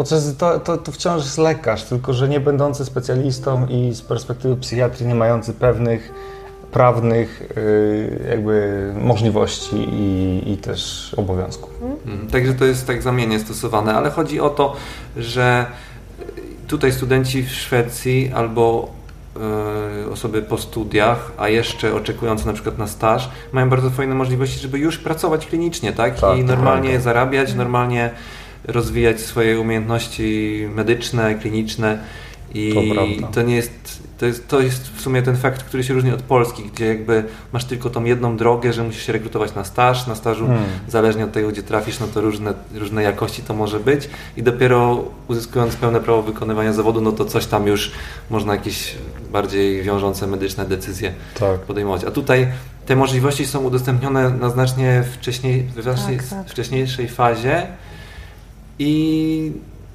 jest to fajnie zorganizowane, już całkiem normalna pensja jest za to przyznawana, także nikomu się nie śpieszy, nikt nie ma aż takiego stresu, że jak najszybciej musi się dostać na ten staż, czy, Dokładnie. czy na tą Dokładnie, bo, bo na staż ten szwedzki, no to A to jest dość ciężko się dostać, e, ale nie ma też aż takiego znowu stresu, bo tak jak e, Mateusz mówi, jest ta opcja pracy jako underlekarę, gdzie zarabiasz naprawdę dobre pieniądze. Są one niższe niż jako rezydent, ale, e, ale no to jakby wciąż pozwalają na bardzo wygodne życie, kupno mieszkania na kredyt i, i spokojną taką egzystencję, więc nikt się nie, e, nadmiernie nie stresuje nieprzyznaniem mu ALTE, bo po prostu może w tym czasie pracować i takich kolegów mamy też w pracy, którzy sobie u nas pracują powiedzmy przez rok. W tym czasie składają podania o przyznanie tego szwedzkiego stażu, czyli ATE. Dostają albo nie, no i, i pracują dalej, albo idą na to ATE, ale po prostu żyją jak biali ludzie po studiach, zarabiają pieniądze. To prawda. Jeszcze tylko powiem może, że moim zdaniem samo to, że już studenci w Szwecji mogą pracować na wakacjach, to jest to właśnie taka pierwsza różnica pomiędzy Polską a Szwecją, że potem jak zaczynasz tą pracę, to od razu ja mam wrażenie, że mniej się stresujesz w pracy i nie, nie boisz się pytać starszych kolegów o zdanie, nie boisz się dzwonić, żeby się spytać o konsultację, tylko tak jesteś w tym systemie. O wiele bardziej jest jakoś okrzepnięci tak, że są. Kurczę, no nie wiem, zadzwonię, a jak się spyta o coś, czego ja nie wiem o tym pacjencie, to będzie głupio, bo za mało przeczytałem. Tak. A tam jest pytanie, dzwonię, pytam i koniec. I jakby bardzo tak, po to są koledzy starsi i bardziej doświadczeni, żeby się spytać ich o zdanie i o To, pomoc. to też jest dobry moment, żeby nawiązać do też powtarzającego się pytania o hierarchię i o takie e, jakby stosunki między personelem na oddziale. atmosferę na, na w tych Mhm. miejscach pracy. Więc y, wygląda to tak, że mm, w szwedzkim języku nie ma sformułowania pan, pani. Wszyscy są do siebie po imieniu. No takie w angielskim. Tak, tak jak w angielskim. I to już bardzo skraca dystans. Y, Plus praca jest tak poukładana, że, że, że wszyscy się mieszają. Nie ma czegoś takiego, że, że ordynator ma swój gabinet, w którym ma swój skórzany fotel i, i, i biurko wysokie, dębowe i do niego się chodzi na audiencję, tylko po prostu wszyscy nosimy te same ciuchy w pracy, które każdy codziennie rano pobiera z, z tej samej zrzutni na ciuchy, więc, więc jakby to są, to są takie małe rzeczy, które wprowadzają bardzo taką przyjemną, y, przynajmniej z mojej perspektywy, równość między personelem i, i to wspólne picie kawy w pokojach i, i właśnie to, że studenci i underlekarze, jest lekarze, czyli rezydenci i, i, i, i overlekarze, czyli specjaliści, wszyscy pracujemy wspólnie jako zespół, y, więc absolutnie student nie ma oporów przed tym, żeby sobie pożartować z ordynatorem, który jest od niego 35 lat starszy. Y, I nie ma też przez to takich y, oporów właśnie przed dzwonieniem, przed pytaniem, przed prośbą o pomoc i, i przed takim, no jakby nie patrzeć, zwykłym obcowaniem w miejscu pracy z pominięciem tych wszystkich konwenansów, które są utrudniające w polskiej służbie zdrowia, ochronie zdrowia, którymi człowiek nasiąka już na studiach. Gdy są zajęcia i przychodzi pan profesor, to jak pan profesor jest y, wyjątkowo ma wysokie mniemanie o sobie, to wszyscy stają na baczność i, i, i tak dalej i tym już się nasiąka od studiów, a, a tutaj tego po prostu nie ma. Też ta równość yy, i brak hierarchii, o której mówisz, się wiąże też z tym, że każdy zostanie wysłuchany i każdy, kto ma jakiś pomysł, to może go przedstawić albo jakąś myśl i nie zostanie skrytykowany. Na przykład prawda. nawet jeżeli jakiś underlekarz, czy lekarz asystent, czy, czy stażysta ma jakąś myśl, to na takich spotkaniach po prostu może się nią podzielić i, i to, jest, to się też liczy, tak? Nikt nie odpowie mu jakoś tam w jakiś przykry sposób. Co więcej, czasami nawet jest tak się spotkałem, że powiedzmy ci młodsi koledzy, stażyści czy rezydenci są czasami bardziej obczytani w niektórych tematach i to specjaliści się czasami y, radzą albo pytają o coś takiego bardziej teoretycznego młodszych kolegów, a znowu młodsi koledzy czerpią doświadczenie takie praktyczne od tych starszych. Zauważycie może też takie to, coś? to szczególnie widać na psychiatrii, gdzie jednak im dłużej człowiek tam pracuje, tym bardziej traci te takie somatyczne umiejętności, te, te takie me- medyczne, medyczne. E, I szczególnie to widać po starszych e, specjalistach. E, jak przychodzą starzyści, którzy są mega obcykani w somatycznych chorobach, no to bardzo często oni po prostu dostają albo pytania, albo wręcz... we wszystkich jakby zaleceniach, nie? W Tak, że są na maksa na jest. bieżąco z systemem. To, to bardzo często to są oni, którzy odpowiadają za tą somatyczną część e, ogarniania pacjentów Mhm. na psychiatrii, plus to częściej oni są po prostu bardziej zainteresowani tym, nie? no bo my już tam siedzimy na tej psychiatrii, więc to wybraliśmy świadomie e, i, i powiedzmy somatyka interesuje nas mniej, a oni do nas przychodzą jako część swojego e, programu kształcenia i, i nierzadko są to przyszli interniści, więc oni do nas przychodzą tylko zobaczyć swoje na psychiatrii, ale jednak pozwalamy im odpowiadać za tę tą, tą medyczną, czyli to, to znaczy tą, tą somatyczną część. Tak, ale tylko to coś, coś dodam a propos tego, co Mateusz mówił, że ja mam wrażenie, a propos tego mówiłeś, że e, ludzie mogą powiedzieć coś tam, co myślą i się nie wstydzą i się wspólnie rozmawia. Mam takie jakieś takie wyobrażenie, że w Polsce to tak chyba jest, że jak jest odprawa, to pewnie w niektórych klinikach, szczególnie uniwersyteckich, właśnie jest tam najważniejszy jakiś tam kierownik e, i ogólnie nawet rezydent się boi cokolwiek powiedzieć. A u nas na przykład na psychiatrii ta odprawa wygląda tak, że siedzimy sobie w małym pokoju, ktoś pije kawę, drugi e, pije herbatę, przychodzi jedna pani pielęgniarka i opowiada co tam u tych pacjentów i po prostu sobie siedzimy, żartujemy, ktoś coś powie, ktoś się dopyta i w ogóle nie czuć, kto tu jest tym teraz y, y, Boże, Tak. studentem na wakacjach, a kto tym osobą, która robi rezydenturę. No, ktoś, każdy ma jakiś pomysł, ktoś coś może dodać i to jest super moim zdaniem. No właśnie, druga rzecz, jeszcze nie tylko równość między kolegami, koleżankami, lekarzami, ale też między różnymi profesjami, tak? Tak. Pielęgniarkami, fizjoterapeutami i jakby innymi jeszcze tam profesjami zależnie od oddziału, to też się widzi to, że wszystkich y, zdanie się liczy, wszyscy są tak samo ważni w tym teamie i pracują dla jak najlepszego dobra tego pacjenta i nieważne, że jesteś jakimś tam lekarzem z trzema specjalizacjami, a ktoś może dopiero przyszedł do jakiejś tam swojej praktyki jako, nie wiem, fizjoterapeuta czy pielęgniarka, że no, to jest nadal y, respektowanie siebie nawzajem i, i występowanie na podobnym poziomie. Dokładnie, zgadza się. To widać bardzo wyraźnie, że każdy ma swoje kompetencje i mocne strony. E, I szczególnie, a może nie szczególnie, no ja mówię to z naszej perspektywy psychiatrycznej, że są e, na oddziałach pielęgniarki i mm, taki coś, chyba opiekun będzie odpowiada, odpowiednikiem opiekun. polskim, taki opiekun. E, I jakby to są de facto oni, którzy mają o wiele więcej kontaktu z pacjentem niż my, bo my powiedzmy, gdy jest oddział, na którym jest 15 pacjentów, jest jeden ordynator i od jednego do trzech underlekarz, zależy od dnia. Czyli under lekarz, czy to też może być rezydent. Tak, tutaj. czyli na przykład to mogę być ja jako rezydent, to może być yy, szwedzki student, który w lecie pracuje, albo może być stażysta, albo może być ktoś, kto czeka na staż. Yy, po prostu lekarze nie będących specjalistami na różnym etapie zaawansowania. No i my powiedzmy tych pacjentów spotykamy, nie wiem, co drugi dzień na 15-20 minut na te takie rozmowy, no bo podstawą jakby badania pacjenta w psychiatrii jest rozmowa. A oni, czyli pielęgniarze, opiekunowie, widzą ich o wiele więcej, o wiele dłużej i częściej, więc y, to, co wnoszą do, do tego procesu terapeutycznego jest nierzadko równie ważne jak te decyzje, które my podejmujemy, bo my je podejmujemy w oparciu o to, co oni nam Tak, mówią, tak. jak on śpi, jak on się zachowuje, co on mówi, czy to nie jest czasem tak, że on się potrafi pozbierać na rozmowy i, O i właśnie, chować wszystkie swoje urojeniowe y, treści, a, a potem jak się go podglądnie w pokoju, to się okazuje, że po prostu bardzo jest kwitnąco psychotyczny i tak dalej, i tak dalej, ta, tego typu rzeczy. Czyli nie ma hierarchii, ale są takie struktury pracy w teamie, że ci opiekunowie dostarczają informacje wyżej do pielęgniarek albo pielęgniarki do Was i opiekunowie też do Was i jakby dzięki temu to się wszystko kręci wokół tego pacjenta, Tak, tak. że te, ten obraz jest taki całościowy Mhm. i, i Z informacje tą płyną ze hierarchią też wszystkich jeszcze można mm, dodać, że to może też, żeby nie zostało źle zrozumiane, jakiś tam sposób hierarchia wiadomo, że jest, no bo ostatecznie to lekarz podejmuje decyzję i to on ponosi odpowiedzialność, czy, czy pacjent może zostać wypisany ze szpitala, czy może pójść na taką jakby, no, to się nazywa no, przepustka, brzydko Przepustka, brzmi, no, do domu podczas pobytu w szpitalu, więc pielęgniarka może powiedzieć to, co ona myśli, ale decyzja jest lekarza i to on ponosi odpowiedzialność, Mhm. no ale jakby na co dzień po prostu w rozmowie, w atmosferze tego nie czuć, więc tak bym powiedziała, że nie ma hierarchii takiej codziennej pracy, no ale jednak ten rozdział decyzji, odpowiedzialności jest. I jest też trochę większy taki ogólny, dwustronny szacun, wydaje mi się.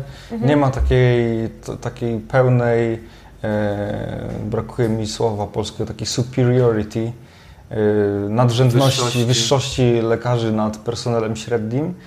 E, jasne, zdarzają się wyjątki i wśród lekarzy, i wśród pielęgniarek, jak, jak wszędzie, że ktoś próbuje być za bardzo do przodu, ale ogólnie y, jest ta, ta granica, że to jednak nie no, sorry, ty jesteś lekarzem, ty podejmujesz decyzje i, i oni się starają ze wszelkich e, sił pomóc, a nie przeszkadzać w tym wszystkim. I, i to serio, tak jak Mateusz mówi, to jest praca w teamie.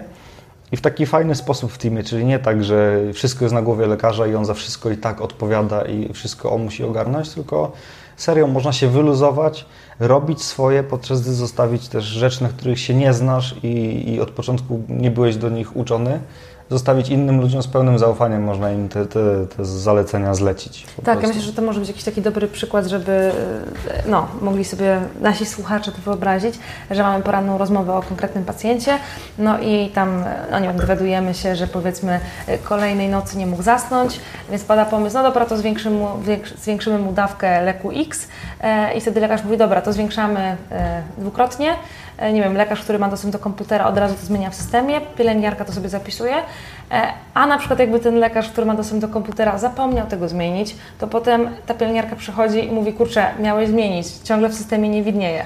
I Ty wtedy wiesz, że to nie jesteś tylko Ty jeden, który ma na głowie tę Dokładnie. sprawę, tylko wszyscy nad tym czuwają, mieszają się te informacje Dokładnie. i ten, Raportują sobie raportują nawzajem. nawzajem i jakby no nie ma takiego obciążenia, nie ma takiego, mam wrażenie, stresu, że wychodzisz z pracy, kurde, kliknąłem czy nie kliknąłem, czy y, ten pacjent dostanie ten lek, czy nie.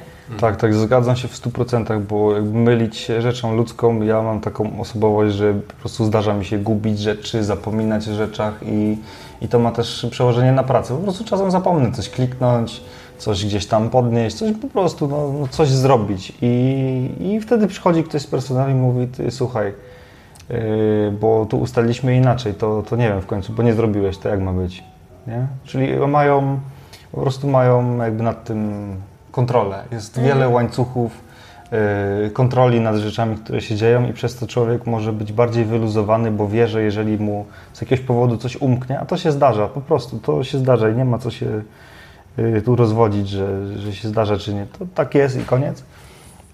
To, to jak mu nawet coś umknie, to, to ktoś to jeszcze potem wy, wyłapie. Nie? To się też łączy ściśle z kwestią odpowiedzialności, Dokładnie. która już też była omawiana w innych odcinkach, ale że jeżeli gdzieś nawet nastąpi jakieś przeoczenie albo nawet jakiś błąd, to przez to, że ta praca polega na pracy w zespole, to jest znacznie mniejsza szansa, że po pierwsze faktycznie ten błąd y, się wydarzy, bo ktoś to zdąży czasami jeszcze gdzieś wyłapać na różnych szczeblach, a po drugie, nawet jeżeli nastąpi błąd, to nie jest y, ten, tym błędem obciążona jednostka, Tak. tylko jakby System. cały system, cały w cudzysłowie team, czyli nie szuka się kozła ofiarnego, tylko bardziej się patrzy, co poszło nie tak i Tak, gdzie należałoby coś poprawić. Spotkaliście się z czymś takim, że był jakiś faktycznie błąd i jak jakoś to było tam w jakiś sposób rozwiązane właśnie tak e, systemowo? Mm. Ja tak teraz myślę, to Zdarzyło się do tej pory parę takich sytuacji, które trochę przeszły echem po klinice. Może nie tak, że o Jezus Maria, ale odwalili, tylko bardziej takie, takie insidery, takie wewnętrzne rzeczy, które dla ludzi z branży, e, takich trochę bardziej ogarniętych w temacie, e, nie powinny się zdarzyć, ale to nigdy nie jest tak, że, że jest ta osoba stawiana na, na świeczniku i Boże, co ty robisz? Tylko bardziej to jest tak na zasadzie, no to słuchajcie, bo, bo ewidentnie to nam nie idzie. Nie idzie nam, kurczę, ta część przyjmowania pacjentów bez zgody, nie? Tu jest jakiś taki zapis prawny i, i tutaj jest jakaś kiepska współpraca między jakimiś tam jednostkami. Słuchajcie, zrobimy na ten temat y, na następnym lekarskim spotkaniu zrobimy na ten temat wykład godzinny, żeby to nam lepiej szło z grubsza. Ja przygotuję, ja jestem za to odpowiedzialny, ja się na tym znam, ja to przygotuję, wydrukuję Wam, czy tam powysyłam Wam jakieś tam instrukcje, y, żeby na, na przyszłość unikać takich błędów.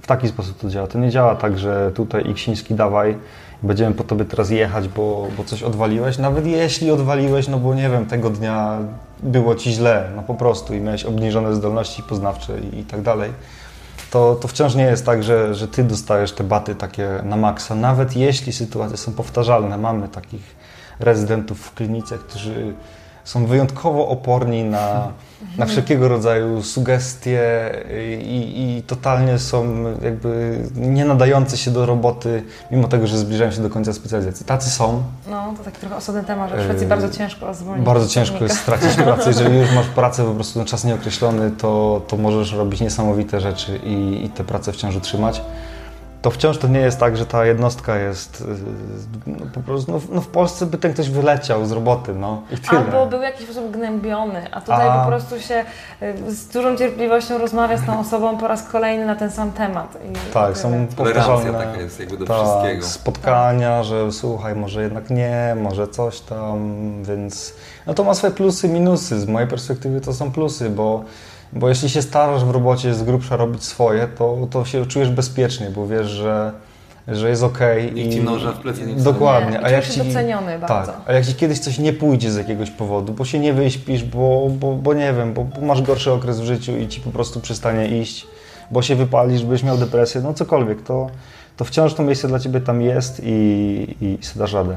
No dobra, a takie pytanie typowo z Waszej z waszej rzeczywistości, czyli z psychiatrii i zaczepiające o ten powiedzmy błąd czy jakieś niedopatrzenie lekarskie. Jeżeli pacjent popełni samobójstwo, bo tam faktycznie, nie wiem, coś zostało niedopatrzone albo no wiadomo, takie rzeczy się zdarzają, tak? No to macie jakieś takie doświadczenie, może nie mówię, że w swojej własnej karierze, ale gdzieś tam równolegle u kolegów, koleżanek z oddziału, to nie wiem, jakieś, oni, jakieś są poważne konsekwencje wtedy, czy jakoś to jest jakaś wielka sprawa, nie wiem, odbierają prawo wykonywania zawodu takiej osobie, jak to, jak to wygląda? E, to myślę, że ja mogę się podzielić historią, doświadczeniem. Jakiś czas temu e, pracowałam na oddziale razem ze no, specjalistą, overlekarem e, i to była pacjentka, którą ja w sumie tylko raz spotkałam i to jeszcze przy rozmowie takiej końcowej, wypisującej. I to ja byłam tą osobą, która potem opisywała e, do, jakby zrobiłam cały opis tej rozmowy i też pisałam wypis. E, I wtedy przy tej rozmowie, to była pacjentka z depresją, e, jakby dość dobrze się czuła, powiedziała, że nie ma żadnych myśli samobójczych, żadnych planów i ogólnie byliśmy zadowoleni po prostu z tego jej pobytu. E, po tym, jak wyszła ze szpitala, miała jeszcze przynajmniej chyba trzy spotkania z psychologiem, takiej swojej tej części psychiatrycznej, ale już poza szpitalem, tylko tej takiej dziennej psychiatrii. E, nawet miała chyba taki, taką, taką rozmowę telefoniczną, takie wsparcie e, i potem dostałam informację od tego mojego lekarza specjalisty, że on dostał taką informację od szefa, że ta pacjentka no niestety popełniła samobójstwo. No i teraz tak, E, ta jakby nasza szefowa, która też jest lekarzem, ona e, przyglądała po pierwsze te nasze notatki, bo powiedzmy to jest bardzo ważna część chyba na całym świecie, dokument, jeśli chodzi, to, czyli dokumentacja medyczna. No i pierwsze co powiedziała, że jakby no, jeśli chodzi o dokumentację, to wszystko jest tak jak należy e, i że my no, mogliśmy, to co mogliśmy zrobić, to, to zrobiliśmy, niektórych sytuacji się nie przewidzi. Wiemy, że mm, jakby to się nazywa w Szwecji Lex Maria. E, no to już jest najwyższy taki jest najwyższy. poziom dochodzenia, jeżeli już coś totalnie hardkorowego tak, się stało. Tak, jest tak, że jeśli chodzi o samobójstwa, no to to się zdarza nie tak, nie tak bardzo rzadko, że dochodzi się, dlaczego do tej sytuacji doszło, ale z tego, co rozmawiałam i z szefową, i z tym specjalistą, i też z innymi kolegami, no to właśnie mówili, że to jest tak, że oni, oni no, ludzie odpowiedzialni za, za to dochodzenie, e, sprawdzają co, jak wyglądał ten czas, ten pobyt w szpitalu, czy można było temu zapobiec, jeśli tak to w coś jakiś zrobić sposób. Lepiej. Coś zrobić lepiej, ale to właśnie nie jest tak, że wzywają na dywanik tamtego konkretnego lekarza albo, nie wiem, mnie, bo to ja robiłam notatkę, e, tylko właśnie chcą na przyszłość polepszyć, co można zmienić, e, czy w tym systemie jest jakaś może luka, że może dałoby się temu jakoś zapobiec. Ale to działa, no, z mojej perspektywy jak na razie w ten sposób. To nie jest tak, że tutaj Ciebie stresujemy, ciągamy po sądach, mhm. tylko ogólnie, żeby o, móc zapobiec tej sytuacji później. I poznać szczegóły tej samej tej całej sytuacji, bo domyślam się, że gdyby tam był jakiś y, bardzo duże zaniedbanie, nie wiem, gdybyś napisała tak. na przykład trzy słowa tylko, że nie wiem, pacjentka się czuje dobrze i mhm. wypisuje ją i do widzenia, tak, no to wiadomo, że to by nie, nie wyglądało zbyt fajnie. Tak.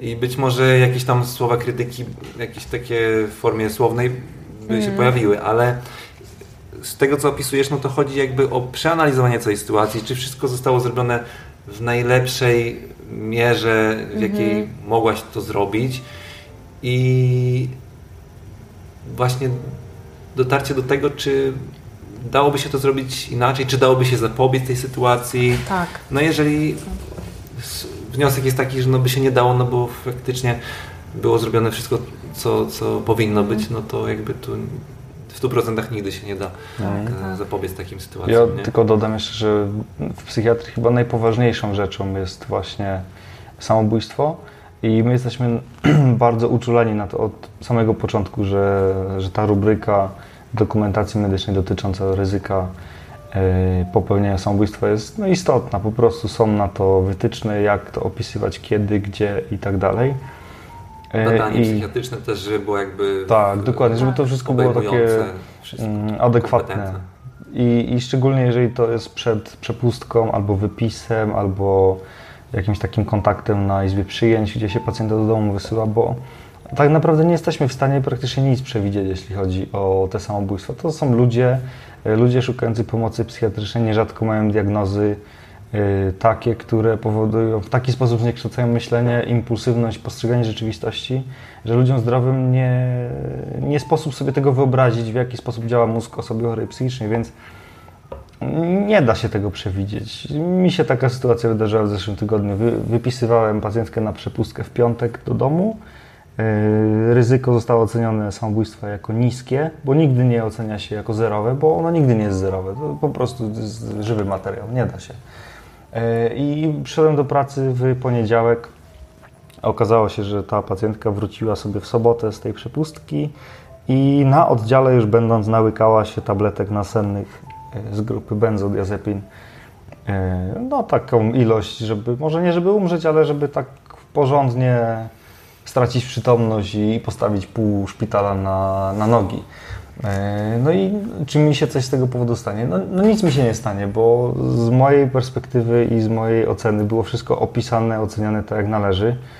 E, A to, że ona się zachowała tak, a nie inaczej, to, to po prostu była rzecz nie do. Mhm. Znaczy, może do przewidzenia w jakimś stopniu, ale w, w obliczu tego status prezens, jaki był wtedy przy rozmowie, było to nie do przewidzenia. I, Jasne. i ona jakby żyje, nic jej nie jest, ale. Yy, No, Ja jeszcze tylko może dodam, bo to też tak brzmi, że przed przepustką pisałeś, ja też wypisywałam pacjenta.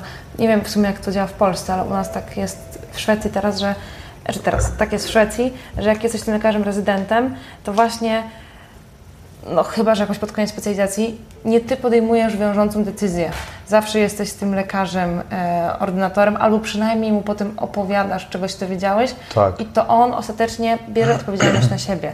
Więc tak jak mówiliśmy wcześniej, potem się rozpatruje to w kategorii jakby teamu, co można było zmienić, ale gdyby to było jakieś takie ogromne niedopatrzenie, No to ja nie to idę do by nie było, to, to nie jest y, Damian ani Łukasz, którzy podjęli decyzję. Ale, ale wiecie, moralność jest jedna, co nie? No, no I, tak, I oczywiście. jakby no, tam prawne konsekwencje, no to jest jedno, ale potem życie ze świadomością, że to ja byłem tym ostatnim i mi się nie chciało tego zrobić tak jak trzeba i ktoś tam się wychuśtał, czy znaczy powiesił się albo coś zrobił, no to... No, no. no dlatego zadałem Wam takie pytanie, no bo jak już tutaj weszliśmy na temat odpowiedzialności, to myślę, że w psychiatrii to jest takie mimo wszystko dość zero-jedynkowe. Jak już coś ma się wydarzyć, no to faktycznie albo ten pacjent, temu pacjentowi się uda popełnić to samobójstwo, albo się uda go odratować, no i wtedy tą sytuację można sobie różnie tam analizować. Ale okej, to No mamy... tak, żeby przychodzić już do lepszego jakby... To nie jest tak, żeby, żebyśmy w naszej codziennej pracy byli tym jakoś mocno zestresowani. Nie, że po nie, prostu to absolutnie. jest jeden temat, który wisi i my... No, no nie. Właśnie to jest to, co ja chciałem powiedzieć, ale zapomniałem, wszystkim. że była taka sytuacja całkiem niedawno, ale przez to, że pracujemy w takim systemie, w jakim pracujemy, to ja się tym nie zestresowałem w taki sposób, że o Jezu, to ja byłem tym ostatnim, tylko mm, no dobra, no, no trudno, no stało się, no, no stało się. Ja ze swojej strony zrobiłem wszystko dobrze, dokumentacja jest ok. No właśnie, i tak to można podsumować. Jeżeli się robi wszystko, co mm, według najlepszej praktyki, no to jakby Tak. nikt nie będzie nas później za to sądził czy karał. A skoro już nawiązaliśmy trochę do tej rzeczywistości klinicznej, to opowiedzcie, jak wygląda y, z tej perspektywy waszej od kwietnia, tak? Jesteście na E, rezydenturze? Od końca maja w sumie, bo najpierw Od jeszcze maja? chwilę byliśmy u lekarem. Czy no, to już macie kilka miesięcy takiej perspektywy, to jak wygląda tak, taka codzienność rezydenta psychiatrii? Taki standardowy dzień, standardowy tydzień, w jakich formach się tą, mm, mm, tych pacjentów spotyka, przyjmuje, ilu pacjentów ma się pod swoimi skrzydłami, jak wyglądają dyżury. Mhm. E, to może zacznę od godzin pracy, bo w Szwecji zaczynamy pracę powiedzmy od 8, pracujemy do 16.30, e, w tym jest liczona półgodzinna przerwa obowiązkowa, e, więc przychodzimy do pracy na 8. Każdy sobie, no możemy przyjść oczywiście chwilę wcześniej, chwilę później, to tam chodzi o system Flex, który już Mateusz kiedyś opowiadał, że można potem to wszystko e, sumować i mieć trochę godzin na plusie albo na minusie, w zależności czy się zostawało dłużej w pracy, czy krócej, ale z reguły to jest 8 godzin dziennie, no to 8,5, no bo do, w pół do piątej.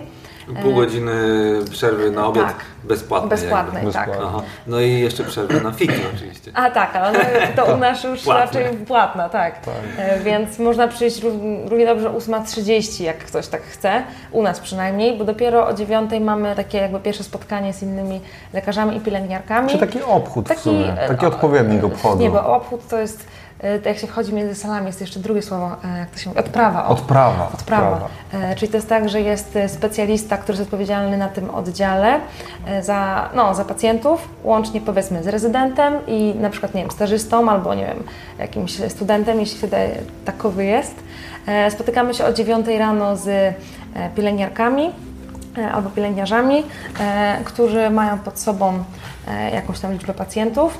Na oddziale, przynajmniej tym naszym, jest około 15 pacjentów. E, Dzieli się to na trzy moduły, czyli każdy moduł to jest 5 pacjentów e, i trzy grupy, trzy pielęgniarki e, przychodzą do nas do, do pokoju omawiamy każdego pacjenta po kolei, co się wydarzyło przez ostatni dzień, jak się czuje, jak spał, czy może, no nie wiem, jakieś informacje, których my jako lekarze nie dostaliśmy, bo nie byliśmy po prostu w pracy wtedy w szpitalu, bo to, nie wiem, zdarzyło się wieczorem. Czyli I- pielęgniarki przychodzą jedna po drugiej, każda jest odpowiedzialna za pięciu pacjentów, a ten lekarz, do którego te pielęgniarki przychodzą, jest odpowiedzialny za wszystkich tych 15. Tak, Tak. Dokładnie. I to jest chyba ta różnica pomiędzy Polską a Szwecją, że raczej, znaczy nie raczej, po prostu na jednym oddziale pracuje jeden odpowiedzialny lekarz specjalista. I okej, możesz się porozumiewać z innymi kolegami, bo nie wiem, mam takiego pacjenta, co byś zrobił, ale to nie jest tak, że tak wszyscy w miarę na bieżąco znają swoich pacjentów, tylko jest jeden specjalista na jeden oddział. Specjalista, czyli specjalista się zajmuje tych, tymi 15 pacjentami? Tak, Czy, czy mówimy teraz o rezydencie? Nie, nie, w specjalista. naszym, w, Naszej w naszej, naszej- klinice, że to jest ordynator, żeby być, e, żeby jakby mieć taki oddział na e, we władanie oddany, no to musisz być specjalistą z tytułem ordynatora, przy czym w psychiatrii to się tym stajesz w zasadzie od razu z e, Tak, tak. chwilą uzyskania tytułu specjalisty. Everleckere? Tak. To chodzi Ci, że to jest ordynator? Tak. To znaczy nie, to jest taki jakby lekarz z długoletnim doświadczeniem, ten Everleckere. O, no tak, Ordynatorem to nawet może być pielęgniarka albo... Mhm. tak Okej. No to, to chodziło mi taki odpowiednik polskiego ordynatora. Aha. Że- Dwa najważniejsze. Tak, że ten jakby najważniejszy. najważniejszy. Z dużym doświadczeniem, Tak, tak, tak. Okej, no to ale gdzie jest Wasze miejsce? Miejsce rezydentów w, w tym całym? E, Trochę zależy od oddziału. No teraz y, może tak, jeśli u nas przynajmniej w klinice jest tak, że przez pierwszy rok zazwyczaj się jest właśnie głównie na tym takim oddziale zamkniętym psychiatrycznym e, i wtedy nasze miejsce jest takie, że zależy trochę od lekarza specjalisty. Najczęściej jest tak, że to lekarz specjalista prowadzi rozmowy z pacjentami, e, jeśli to jest pierwsza rozmowa, ostatnia, jakaś taka ważna, przed przepustką. Czasami się zdarza, że my prowadzimy te rozmowy e, sami gdzieś tam po prostu w jakimś innym pokoju i potem rozmawiamy ze specjalistą, czegoś dowiedzieliśmy. Najczęściej jednak przynajmniej u nas ten ordynator, no, ten specjalista prowadzi rozmowę, my jesteśmy obok, robimy notatki i potem jesteśmy odpowiedzialni za to, żeby zrobić dokumentację o tym pacjencie. Plus jakieś takie tematy, które wychodzą e, na bieżąco, jeśli chodzi o pacjentów. Też somatyczne sprawy, no nie wiem, O. kogo ktoś kaszle i ma zmiany słuchowe, robimy rentgen, nie jestem pewna, dzwonię do lekarza medycyny, no nie wiem, medycyny, do, do internisty, bo chcę się o coś spytać. Najczęściej to ja robię, e, więc nasz codzienny dzień pracy jest tak, wygląda, że czytamy najpierw trochę o pacjentach, potem o godzinie 9 mamy tą, mm, to spotkanie z pielęgniarkami, potem robimy listę z iloma pacjentami rozmawiamy w dzisiejszym dniu. I spotkanie z pielęgniarkami jest wtedy tak, że jest jeden rezydent, jeden specjalista i te pielęgniarki po kolei E, przychodzą. tak. E, No chyba, że akurat na danym oddziale jest więcej tych rezydentów, bo to, to jest też istotne tutaj do całego, do całej tej opowieści. Specjalizacja z psychiatrii składa się z różnych staży, w skład których wchodzi m.in. rok w, na oddziale zamkniętym, takim afektywnym, e, pół roku na psychozach i tak dalej, i tak dalej. W to wchodzi jeszcze tam e, oddziały dzienne. My jesteśmy na początku specjalizacji, więc jesteśmy na oddziale zamkniętym afektywnym. No właśnie. I, I po prostu tam, tam jesteśmy od dwóch miesięcy i będziemy jeszcze przez parę. I podczas tego pobytu tam, powiedzmy, ja jestem na oddziale F, Ola na oddziale H, oba są takie same. E, I, I, do nas przychodzą studenci, y, stażyści i oni przychodzą na przykład na tydzień, na dwa, czyli oni tak wskakują trochę w pracę i tak. wyskakują, podczas gdy to my jesteśmy tymi, co mają taką kontynuację tych pacjentów, więc, mm, więc jakby my tak trochę więcej robimy niż ci stażyści, bo jesteśmy więcej no, obcykani tak. w, tych, w tych pacjentach, ale wciąż jest to y, taka praca, że nie mamy własnych pacjentów albo nie w, takim, w taki sposób, jak to się dzieje w Polsce. To jest bardziej tak, że wszyscy są wszystkich, a ktoś jest tak. bardziej mój. Mm, Ale jakby i tak pracujemy nad nimi wspólnie. Nawet jeśli są takie oddziały, na których y, ordynatorzy czy tam ci szefowie sobie życzą, żeby rezydenci mieli swoje moduły, to wciąż jest to wszystko w porozumieniu z nimi, więc przynajmniej tak to się u nas w klinice dzieje, bo mamy jakby dużo ludzi, jest dobra obsada, nie ma tak, że rezydenci muszą ciągnąć oddziały sami, bo, bo nie ma kim robić. Nie? Tak, to prawda. No jeszcze a propos rozmów, to w sumie też zależy od dnia, ale standardowo to jest tak, tak sześć rozmów na dzień to już jest tak dużo, nie? No, bo rozmowa tak trwa do pół godziny z pacjentem, tam się podejmuje decyzje, jakiś tam plan dla niego, zależy co mu jest y, i, i, i tak dalej, bo to jakby my zajmujemy się nie tylko psychiatrą, ale też e, taką trochę socjologią, taką społecznymi rzeczami, że bardzo dużo ludzi chorych psychicznie też jest w kiepskiej sytuacji. Tak, socjoekonomicznej. Socjoekonomicznej i, i Szwecja jako takie państwo dość mocno socjalne. No to opiekuńcze. Opiekuńcze ma, ma mnóstwo różnych zasobów, które są wprowadzane do życia pacjenta z, tak na etapy tego pobytu na oddziale psychiatrycznym. Tak. Jakby to nie my robimy, ale my trochę w tym pośredniczymy, że tak, no to może by mu tutaj kuratora, a może by mu taką jakąś, nie wiem, ktoś to mu przyjdzie do domu i mu ugotuje zupę i tak dalej, i tak mhm. dalej, nie? Tak, tak takie rzeczy. Więc jakby trochę lekarz jest głową tego wszystkiego, nie załatwia tych rzeczy, tylko bardziej tak to ja proponuję, że tutaj dajemy lektaki i oprócz tego kontakt z kuratorem, kontakt z tym i, i, i coś tam, coś tam, coś tam. I to wszystko trwa, nie? I kuratorem trzeba dodać, że to nie jest taki polski kurator, tylko tak. to jest odpowiednik tak. psychologa. To, to, nie jest taki kurator, jak w gimnazjum ktoś był niedobry i potem się mówił, byś miał kuratora. tylko kurator to jest taki trochę fixer, taki jak sobie nie radzisz w życiu z jakiegoś powodu, to, to ten ktoś ci tak trochę pomaga robić rzeczy w tym życiu i, mm. i ogarniać to życie. Ale może, że wróćmy do tego y, dnia, y, to to jest tak, że o 12 wszyscy idziemy na przerwę na lunch. E, teoretycznie ona powinna trwać od 12 do 12.30, ale można powiedzieć, że w sumie cały szpital zamiera do, do 13. W tym czasie się do nikogo nie dzwoni, bo wszyscy jedzą. Wiem, coś tam jedzą. Praca stoi. Więc wtedy najczęściej my się spotykamy akurat z naszymi innymi rezydentami, jemy wspólnie obiad, wszyscy przynosimy jakieś sobie tam jedzenie w pudełkach, e, ale też na oddziale ogólnie jest fajna atmosfera i też e, wspólnie czasami coś tam siedzimy i jemy I z resztą ekipy. Też trochę mówiliśmy o atmosferze na oddziale. Możemy też jeszcze poruszyć temat, który się pojawił w pytaniach, mianowicie jak są traktowani e, lekarze imigranci mm-hmm. przez personel. I z naszej perspektywy, gdzie pracujemy w klinice, w której może połowa obsady lekarskiej to są ludzie z zagranicy, mm. może troszkę mniej. No, ale... Personel średni w większości jest ze Szwecji. Tak. E, to nigdy nie spotkaliśmy się z jakimiś nieprzyjemnościami e, ze strony kogokolwiek, czy to pacjentów, czy personelu. E, takimi, że na zasadzie, a bo ty jesteś z Ukrainy czy skądś tam. Wręcz przeciwnie, mm, są tacy bardzo pozytywnie nastawieni, pomocni i żywo zainteresowani tym, z kim pracują. E, I też jest dużo, duże pole do tego, by się integrować z personelem. Są takie całe pokoje na, na kawkę. To, to ofice, kto słucha podcastów, ten ofice słyszał, wie czym jest fika. I to prawda, ona jest mega ważna. E, oddziały psychiatryczne pachną kawą i, i, to jakby w tym nie ma ani krzty przesady. Po prostu kawę Szwedzi piją wszędzie i zawsze i te ekspresy przelewowe Robią furory. Tak, jeżeli by ktoś kiedyś chciał sprzedawać ekspresy przelewowe, to szwedzki rynek jest największy.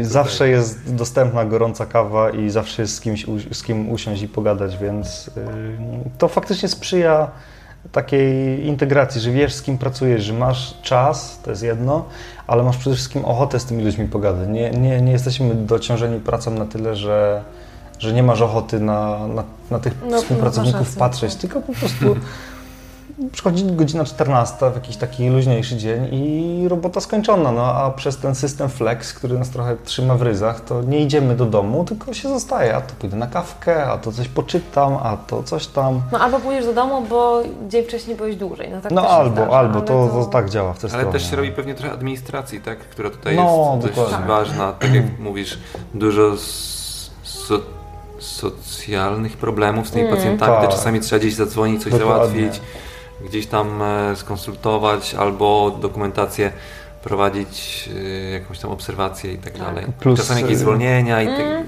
dużo takich pewnie rzeczy też się u Was zjawia, nie? To prawda, szczególnie w, w open worldzie, czyli w, tym, w tych oddziałach dziennych, czyli przychodni takiej. Nie? A no właśnie, bo przychodnia też wchodzi w skład tego, gdzie, gdzie pracujecie, Tak. ale To do, do przychodni jako rezydent siedzi tak minimum po roku, żeby już coś, coś wiedzieć. Mhm. Więc my więcej. jeszcze mam, że nie mamy własnego doświadczenia, no ale ogólnie tam już jesteś bardziej samodzielny, bo pracujesz e, w taki sposób, że przyjmujesz, no nie wiem, tak Łukasz, ze czterech pacjentów dziennie może? A no właśnie, to, to, jest, to, to też brzmi jak E, czyli e, przychodzisz do pracy, z polskiej perspektywy. Najpierw masz godzinę, żeby poznać o pierwszym, godzinę na niego, potem masz kolejną godzinę, żeby się przygotować na kolejnego pacjenta e, i tak dalej, więc tych pacjentów jest tak maks ze czterech, przy czym masz takiego swojego jakby opiekuna, więc możesz się w każdym momencie może nie przerywasz rozmowy, najwyżej powiesz, że oddzwonisz, jak nie jesteś pewny i nie wiem, decydujesz potem, ale to nie jest też stresujące, bo nie musisz w tym momencie podjąć decyzji, ale jednak e, no, uczysz się po prostu samodzielnej pracy no, z pacjentem i jesteś no, odpowiedzialny, więc to jest Myślę, spoko. że to jeszcze warto wspomnieć o dyżurach,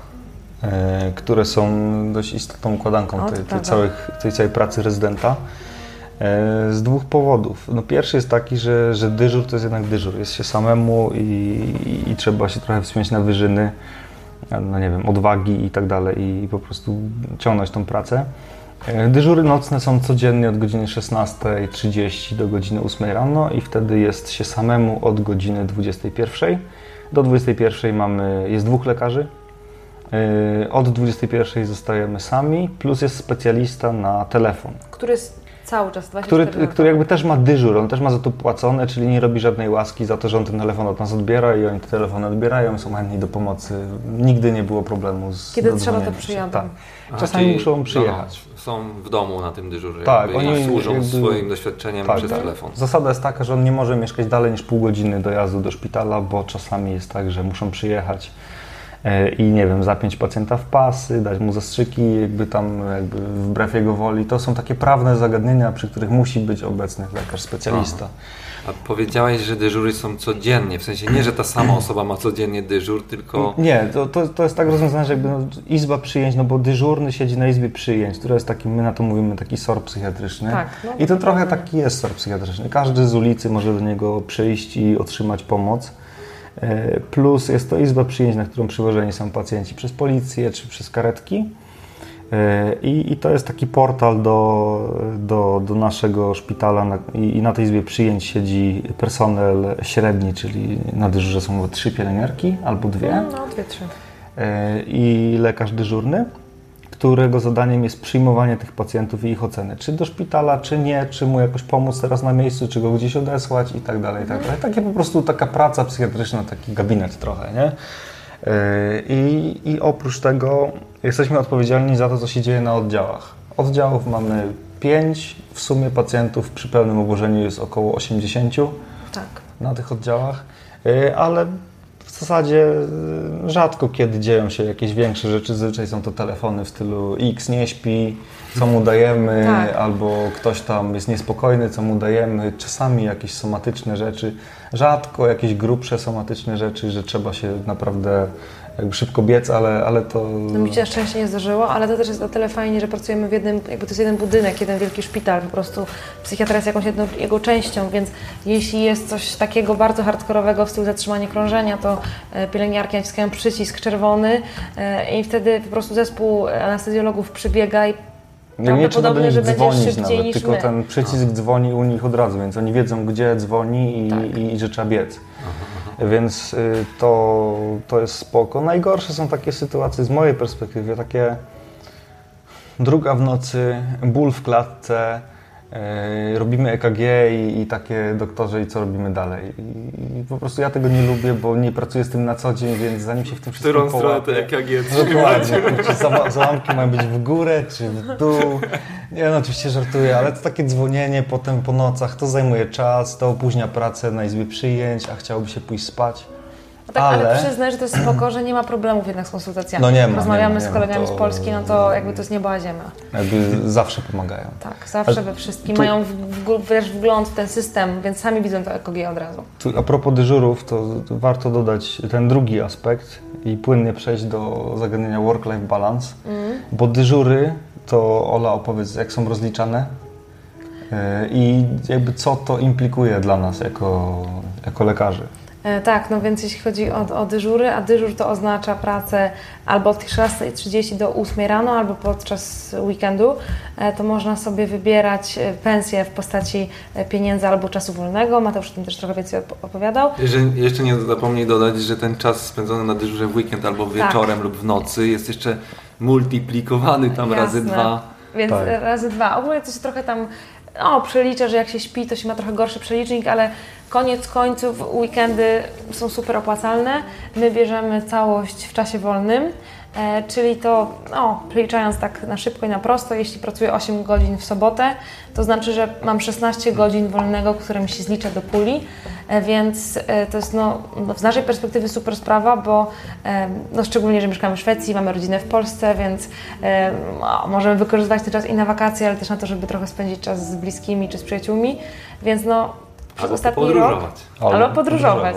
Więc ostatni, ostatni rok, w sumie mieszkamy ponad rok, ale przez rok czasu pracy nazbierało nam się i łącznie mieliśmy 3 miesiące wolnego. Licząc ten standardowy miesiąc, który przysługuje Tak. wszystkim, to oprócz tego mieliśmy jeszcze dwa.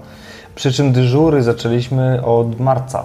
A w sumie też prawda, Więc, czyli nie zdążyliśmy tego aż tak więc gdyby cały rok, to dopiero za rok będziemy mogli się wypowiedzieć, ale y, czasem zdarzają się takie strzały, jak ktoś wypadnie 36 godzin przed planowanym dyżurem, czyli powiedzmy czwartek po południu dowiaduje się, że kolega, który miał pracować w sobotni dyżur jednak nie może, to wtedy jest to tak zwany kord waszel, czyli w sumie nawet nie wiem, co to znaczy w dosłownym tłumaczeniu, ale całość dyżuru liczona jest podwójnie.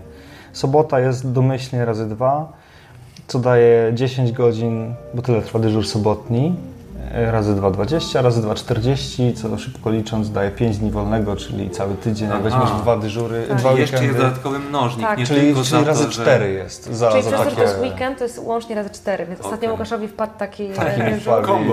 Kurde, kombo. no to jakby A jeżeli- do przodu ode mnie o tydzień to, wakacje. To o tym się dowiedziałem ostatnio. Jeżeli do ciebie i do nas też tak raz dzwonili, śpisz albo masz wolną niedzielę czy sobotę i do ciebie dzwonią rano, że ktoś nie przyszedł do pracy, to wtedy jest jeszcze razy dwa, czyli to było razy osiem. To, to, to już za jeden taki dzień, gdzie cię wyciągają z wyra rano, dostajesz 80 godzin e, wolnego czy ekwiwalent tego w pieniądzach, więc e, no, motywacja jest ogromna, mimo że te dyżury są nieraz ciężkie i zazwyczaj rzadko kiedy się kładę spać szybciej niż o czwartej na dyżurze. No, mi się zdarza o drugiej. Ale to o drugiej to, o drugiej to jest taki dobry dyżur, taki naprawdę luźny. tak. Standardowo czwarta, a nieraz szósta.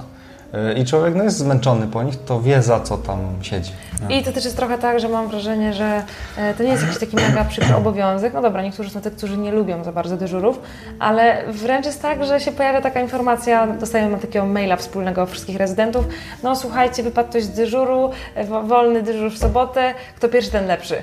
To I nie jest wszyscy takie, się rzucają. i wszyscy się rzucają, Tak. więc to jest bardziej tak, że my chcemy dyżurować, bo możemy albo zarobić większą kasę, albo mieć czas wolny, plus one nie są jakieś takie wycieńczające, żeby potem człowiek, no nie wiem, chodził do tyłu, e, plus jeszcze, no dużo się uczymy. Jednak To jest yy, super sprawa. to, Na- to jest ten czas, kiedy się jest serio samodzielnie i wtedy sobie tak yy, faktycznie człowiek rozwija tą taką no, samodzielność. Podejmuje decyzje sam albo ze wsparciem specjalisty, ale z czasem jak już stwierdza, no, no, no nie, no, no idźmy do przodu, nie, nie będę do niego dzwonił ze Tak, wszystkim. to prawda. E, To zawsze jest obciążone. Te pierwsze razy są najgorsze jakimś tam, e, jakimś tam stresem, ale docelowo no to jest mega wyjście ze strefy komfortu, a w strefie komfortu nic nie rośnie. Dobra, słuchajcie, ostatnie pytanie, bo nam się tak sympatycznie rozmawia. Y, Przed y, włączeniem nagrania tak się przejmowaliśmy, czy damy radę godzinę rozmawiać, a tutaj już mamy chyba godzinę 15 co najmniej na liczniku. Także jeszcze jeden aspekt, który tutaj mnie interesuje i bardzo wielu słuchaczy, jak to jest z językiem w psychiatrii? Czy faktycznie jest jakoś trudniej? Bo wiadomo, że ten język to jest Wasze główne narzędzie, żeby przeprowadzić to badanie psychiatryczne i jakie macie tutaj doświadczenia? Czy to faktycznie jest jakaś większa bariera, czy, czy to sprawia jakąś większą trudność? To może ja zacznę, bo to było właśnie taki temat, nad którym ja długo myślałam, bo mi się wydawało, że nie, kurczę, czy my damy radę, że ja chcę psychiatrię robić, a w Szwecji to jednak jest zupełnie inny język, jak ja sobie dam radę. A teraz myślę, że to było zupełnie bezpodstawne, e, bezpodstawne, Boże, co, jakie słowo użyć? Niepotrzebnie się martwiłam. E, Nieuzasadnione. Nieuzasadnione, o właśnie. E, Chciałam powiedzieć, że oczywiście język jest podstawowym narzędziem, ale ja zawsze mówię, że jeśli rozmawiasz z pacjentem, to jednak rozmawiasz z nim dość prostym językiem, więc moim zdaniem w momencie, kiedy czujesz już dość swobodnie w codziennej rozmowie, to zupełnie nie ma problemu, żeby rozmawiać z pacjentem, e, bo posługujemy się takim codziennym językiem. E, Plus, jeśli pacjent jest naprawdę bardzo, bardzo chory, no to no ci, co może trochę wiedzą więcej o psychiatrii, to będą wiedzieli o co chodzi, że czasami nie trzeba rozumieć, co pacjent mówi, bo od razu widać, że po prostu musi być położony i to już teraz i to na Czasami oddziale to jest wręcz diagnostyczne. terapii. Jeżeli nie rozumiesz, co on mówi i to się nie trzyma kupy, to, to też jest... To też e, jest znak. To, to też jest bardzo taki wyraźny znak na to, Plus, że... że 90% przekazu idzie niewerbalnie. E, Dokładnie. oczywiście, Tutaj jakby oczywiście. dużo rzeczy już można odhaczyć. Ja bym tu powiedział a propos języka, że jasne, on się cały czas rozwija i ja to czuję, że co jakiś czas tak stopniowo.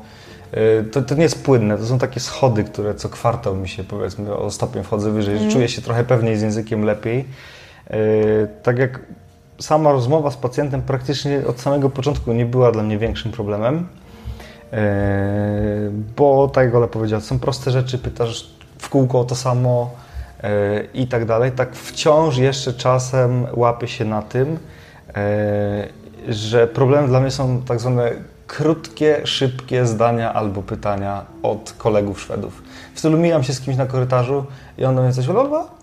I ja nie wiem, czy on się mnie zapytał, jak mi mija dzień, czy on mi życzył smacznego, bo po prostu tego nie zrozumiałem w tym momencie. Tak, jeszcze byłeś jakiś tam w swoich myślach. Tak, więc to, to, to jest jeszcze ten ostatni chyba stadium do odblokowania, czyli tak, że łapiesz w lot wszystko i zawsze, obojętnie kto co powie, to jeszcze przed nami.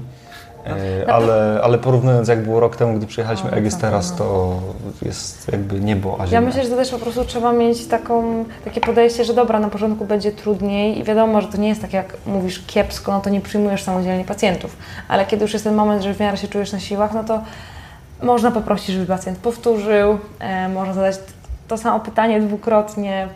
Jakby wydaje mi się, że trzeba też mieć takie podejście, że no to trudno, najwyżej spytam się kolejny raz, nie spotkaliśmy się nigdy z taką sytuacją, żeby ktoś był zniesmaczony tym, że czegoś nie zrozumieliśmy. Wręcz przeciwnie, nawet to jest czasami taki dobry moment na przełamanie lodów, bo jak pacjent przychodzi do psychiatry na izbie przyjęć, najczęściej jest zestresowany tą sytuacją, że musi podać o swoich problemach w swoim życiu, a w momencie, kiedy ja się o coś tam podpytuję, mówię, o kurczę, brakuje mi słowa, wiem jak jest po angielsku, no to on taki się czuje, że sam może pomóc, że ja może też nie czuję się w pełni pewnie we wszystkim, więc students no, z- mojej perspektywy... Łatwiej mu się trochę otworzyć wtedy, Mhm. nie? Tak. Ja jeszcze nawet bym powiedziała, że wtedy, kiedy ja czuję, że mi brakuje e, umiejętności językowych, to jest właśnie trochę to, jak muszę załatwiać jakieś tematy somatyczne, bo niektórych Bo nie nas obracasz się w tym nie dzień. może Tak, tyle, oczywiście. może tak. Więc wtedy w tej codziennym języku i tym psychiatrycznym jestem super, Mhm. no czuję się dobrze. Czyli nie był to jakiś taki próg nie do przeskoczenia. Absolutnie, to, to Nie. było wręcz łatwiejsze niż się spodziewaliśmy. Tym bardziej, że jeśli zaczynasz na psychiatrii, najczęściej zaczniesz w, na, w szpitalu, a w szpitalu nie jesteś nigdy sam. E, wydaje mi się, że to też jest duży plus, że jednak jest ta praca zespołowa, więc to nie jest tak, że e, teraz to, co ty zrozumiałeś, referujesz, nie wiem, w grupce innych, innych osób, od tego zależy wszystko, tylko Dokładnie. stopniowo e, się wdrażasz A poza tym w podbramkowych sytuacjach, jeżeli nie rozumiesz, bo ktoś ma mracze, nie ma zębów, jest pijany, no nie wiem, cokolwiek, Mm.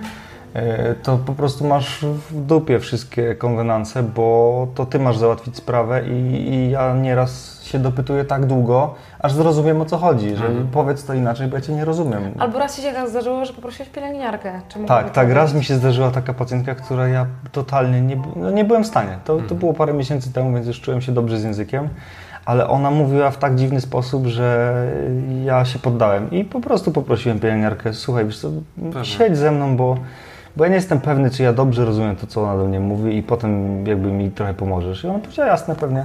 I nie ma tematu, więc ograniczenia Dokładnie. są w naszych głowach. Że wa- ważne, żeby sobie poradzić po prostu. Dokładnie. Tak. Tak. I nikt na, nie będzie miał do tego żadnej krytyki, ani nie będzie się dziwił. Tak. Plus jeszcze już tak na, już kończąc, mam wrażenie, że to jest też trochę tak, że czuć, kiedy naprawdę trzeba drążyć i dopytywać, a kiedy można odpuścić. Hmm. I na tyle, y, no, to wtedy nie jest trudne, że wiesz, że nie, dobra, pytam kolejny raz, bo to jest ważne, a kiedy... Bo coś tu śmierdzi.